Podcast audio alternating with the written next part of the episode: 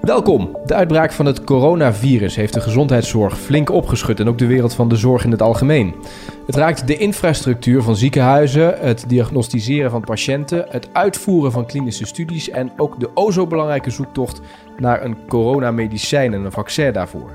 Volgens uh, onderzoeksbureau IDC breekt er een nieuw tijdperk aan in de medische industrie. Maar tot op welke hoogte zal de gezondheidszorg onze kijk op de gezondheid permanent gaan veranderen? Straks als corona weer een beetje naar de achtergrond is eh, verdwenen. En hoe slijpt het coronavirus de megatrend gezondheid? Daarover ga ik het hebben in deze podcast. Mijn naam is Tom Jess en ik praat erover met Lydia Houweter. Als senior investment manager bij themabelegger Pictet Asset Management houdt zij zich bezig met de strategieën, gezondheid en biotechnologie. Welkom Lydia. Goedendag. We gaan de podcast zo meteen in het Engels uh, uh, bespreken. Maar we beginnen eventjes in het Nederlands, want jij hebt een relatie tot Nederland. Vertel. Ja, mijn moeder is van Nederland. Um, daarom heb ik geleerd toen ik een klein kind was. Um, met heel veel stripboeken en praten met mijn nichtjes en neefjes. Um, maar het is gewoon een, een woordschat van een klein kind nog. ik heb nog niet meer zoveel gebruikt. Nou, het klinkt is het misschien beter. Ja, dankjewel. maar het is misschien beter als we de conversatie toch in het Engels gaan doen. Okay, let's do that. We now will change uh, to English, the English language. Uh, in the previous podcast, we spoke with your colleague, uh, Gert-Jan van der Geer. He is a senior investment manager of uh, Pictet Asset Management, thematic equities team. And he spoke about the coronavirus and how uh, that affects globalization. And one of his statements was that more transparent and uh, diversified supply chains are needed because the world relies too much on China and on the factories there. Uh, what is your opinion about that point? Well, it's it's actually true because we have all the um, active products for pharmaceuticals are mainly produced in China and India right now. And it's not even a lot of factories, it's a, a few factories in China and India. And so, what we've seen during the, the crisis um, is for certain drugs that we have extreme shortages. Um, because these factories were actually in, in areas that were affected by the coronavirus, like Wuhan um, in China, or even in the Lombardy, actually, there was one factory that was affected. So it's it's true that we are not very diversified in the in the production of these pharmaceuticals and the supply chain of these pharmaceuticals. And I think it's something that we need to to think about going forward um, globally is where we uh, make these pharmaceuticals and how we make sure that we have enough of them if we have these shortages.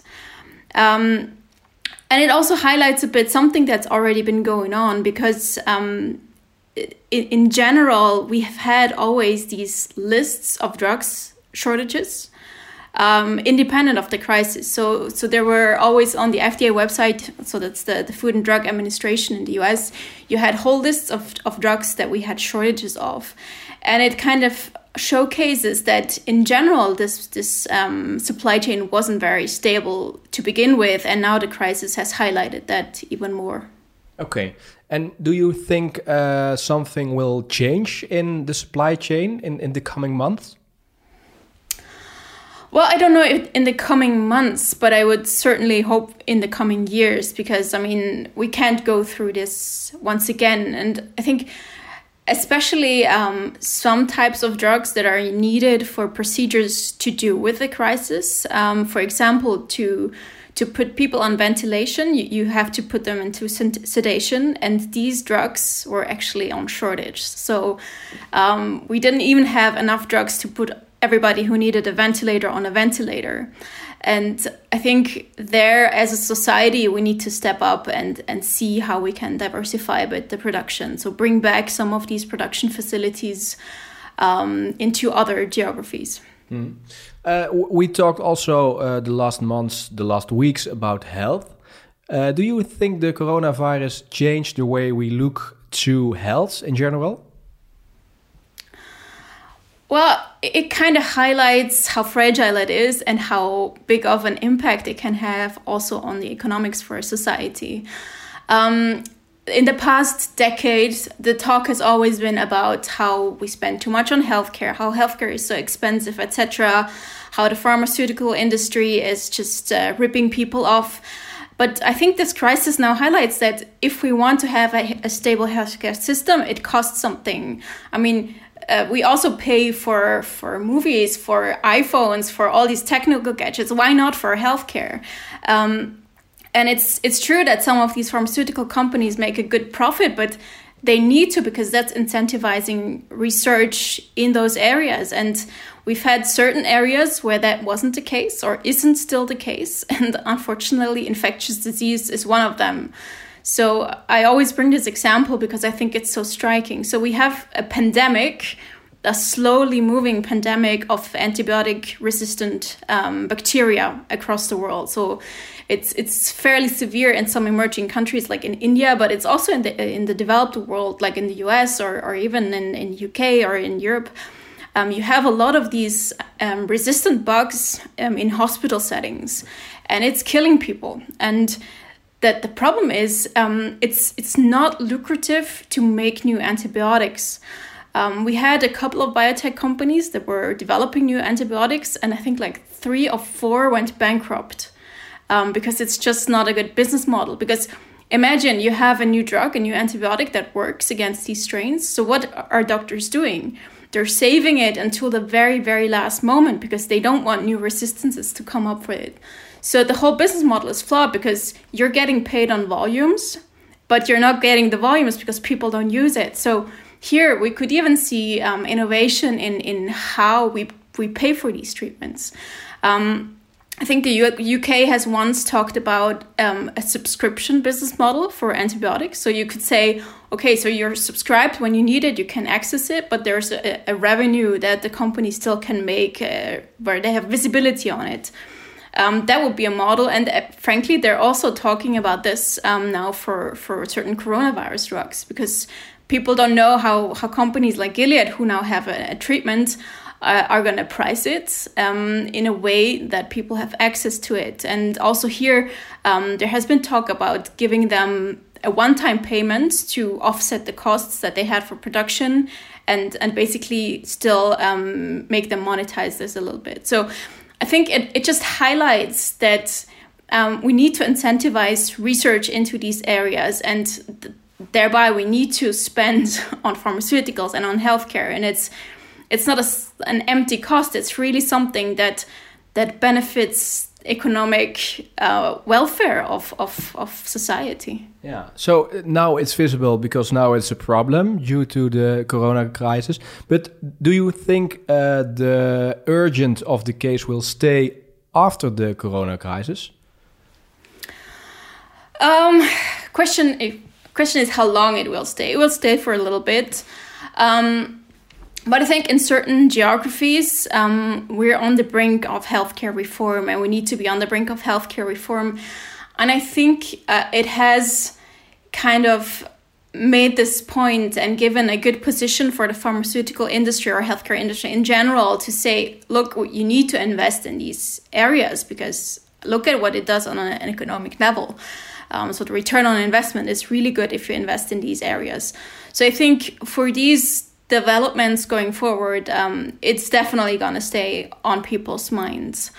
Um, is it going to prepare us for the next pandemic that could be the big one? It could be a much deadlier virus. It could be an influenza that spreads much more quickly. I hope so. Uh, I don't know. yeah, okay. But uh, when you think about the most important things that will stay um, uh, when the corona crisis is over, uh, what are you seeing then? Um, I would hope that there is some more resilience in in the healthcare system. Um, in a way, we, we we're now seeing how uneven the the profits are being made in healthcare. For example, um, when you look at hospitals, um, a lot of them in the middle of a pandemic, in the middle of a health crisis, are making are losing money. They are having to ask government for for money because they cannot do the stuff that is profitable for them. So it's all these these elective surgeries where they have the big profit centers and then taking care of people in such a setting like the coronavirus where they have to go into intensive care, etc. They're losing money on this. So I, would hope that the way um, hospitals are reimbursed is also going to change a bit. And in the end, um, what should really be the goal in healthcare is to link the reimbursement to the outcome um, for a patient. So you're getting paid on how well the patient fares and not on a, a, certain procedure because that also sets a bit of incentives to do certain procedures too much mm-hmm. While you're not putting too much uh, attention onto other things um, so it's i think it's speeding up a lot of development that have been very slow um, in terms of uh, doing uh, reimbursements based on the value that is created rather than on certain things um, and it could speed that up, that's for sure. Okay, you uh, mentioned the hospitals already. Uh, let's move on to a topic that also is related to the hospitals, and that's uh, uh healthcare on distance, uh, e health. Uh, so people are staying home and calling with doctors to talk about different things. Do you think, because it's already here, but, but do you think it will stay stay after the crisis? Yeah, so I think telehealth, um, the adoption rate that we've seen is going through the roof. And I, I, I do honestly think that people are seeing the benefits of it. Um, because also elderly you, people? You, sorry? Also elderly people, because for elderly people, it's sometimes it's a pro problem. Yeah, but I think they're now learning to FaceTime with their families. They're learning to use the technology, and um, I mean, you do still get an interaction with a physician, even through video, and and sometimes that interaction is is pretty much what you need because you need to take away kind of the fear that something is wrong, etc. And then obviously for certain procedures you need to go in or a nurse needs to come to you. But I think in general, telehealth is going to stay because it's just such an efficient way of of doing things especially for a working population because you don't have to like go to the office. You take off work you go to the office you sit there in the waiting room for hours and hours sometimes um, to see your doctor. In, instead you have this kind of immediate access to to healthcare.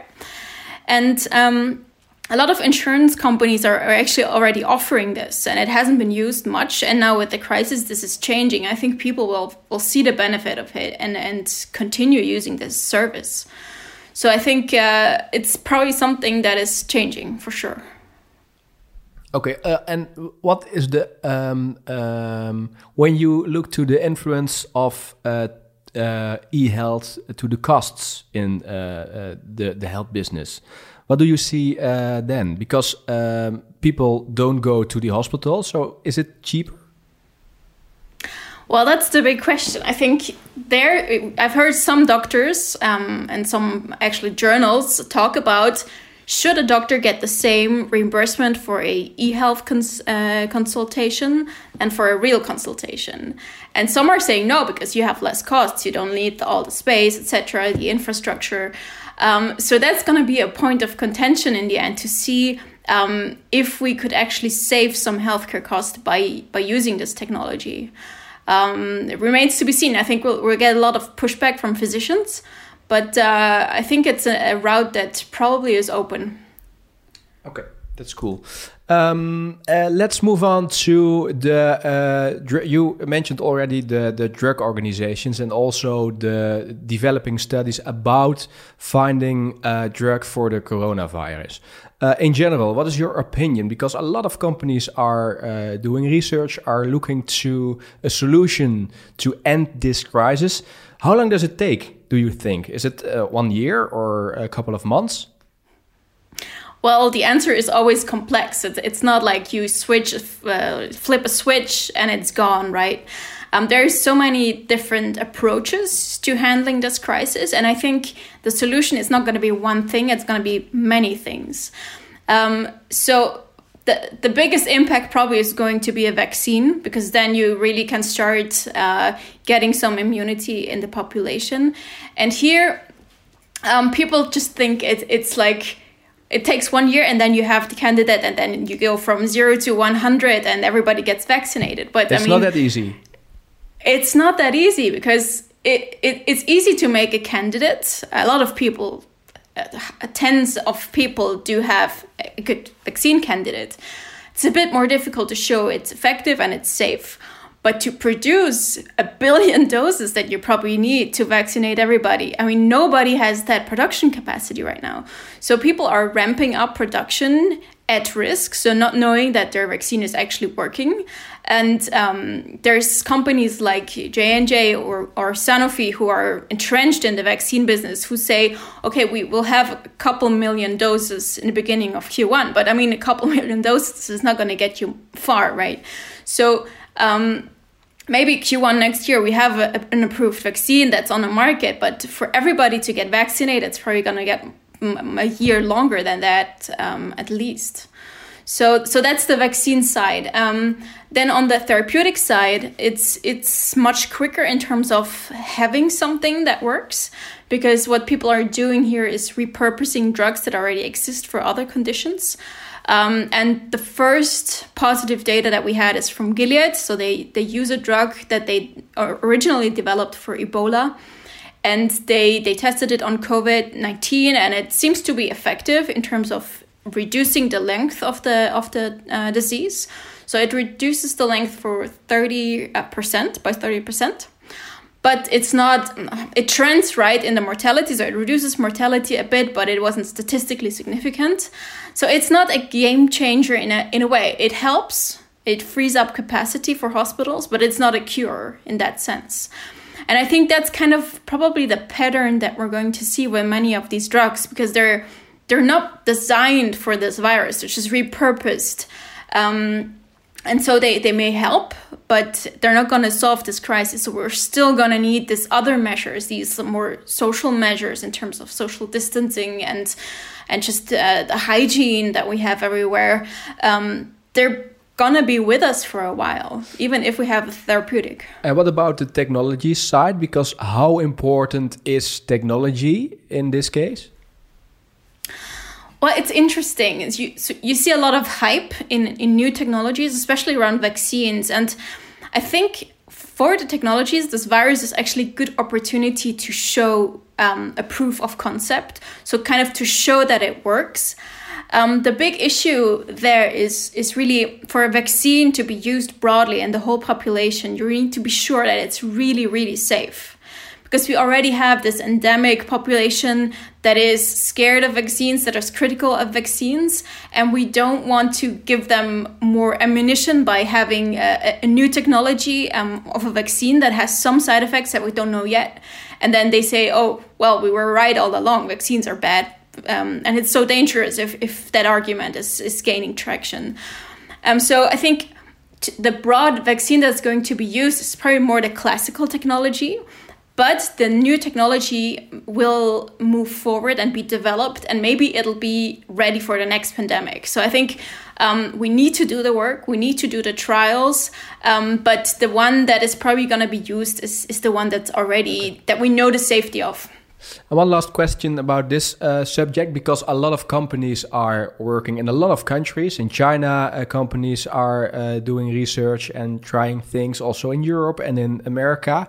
Um, it looks to me, everybody, each company is on a, an island. But isn't it important to work together? Uh, because maybe then we have sooner a solution for the crisis. Yeah, it's actually it's actually interesting because we do see a lot of collaboration that we have never seen before. So you have like companies like Sanofi doing a collaboration with GSK, so they're competitors, but they're collaborating on a vaccine now. So so these walls are breaking down, and okay, we so it will happen. really see it, it is happening okay. it's not it will it is happening already and also in the in the academic um, community um, the, the sharing of information and research is so fast right now, and also the the, the publications um, are going much much quicker. So what you see um, a trend that has been going on already, but what you see happening now even more is that um, papers are being published on a preprint server. So that's basically an open website that everybody can go to before they're published in the journal. So in these preprint servers, they're not peer reviewed, so they're not reviewed by other scientists, but they're out there in the public domain already, and people can already start working with the data, with the hypothesis that, that was tested in the papers. And this really speeds up the, the, the pace of science in general. And so that's something that's probably going to stay after the crisis as well which is quite interesting to see how science has picked up a pace Let's talk about uh, the uh, price of the uh, coronavirus drug and medicine.